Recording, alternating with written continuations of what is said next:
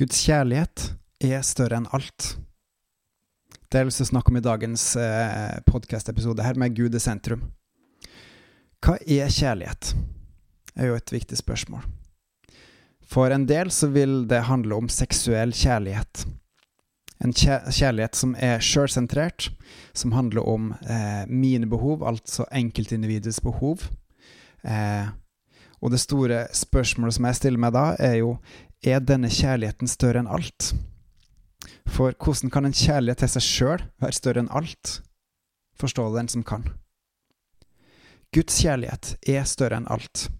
For den setter mottakeren, den andre, i sentrum av kjærligheten. Alt gjøres i kjærlighet til mottakeren, til mottakerens beste. Skjønt, det er ikke alltid mottakeren ser det.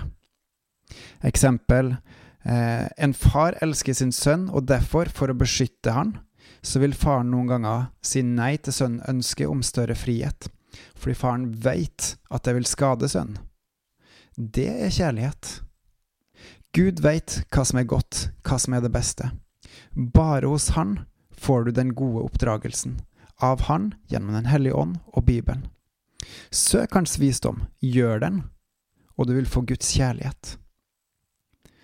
Mange søker sin egen kjærlighet for egen vinning. Gud gir kjærlighet, for han er kjærlighet. Søk han, og han vil gi deg den. Jesus er kjærligheten, for Gud ofra sin egen sønn for at vi skulle kunne få hans kjærlighet, bare, bare faktisk, ved å tro.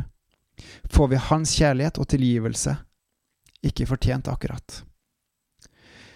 Guds kjærlighet er større enn alt, for han gir uten å forvente å få noe tilbake, men han håper vente og lengte etter å dele den med oss. Vil du ha den, må du gi, uten å forvente å få noe tilbake. Da viser du Gud at du elsker Han, for da følger du Hans gode vilje.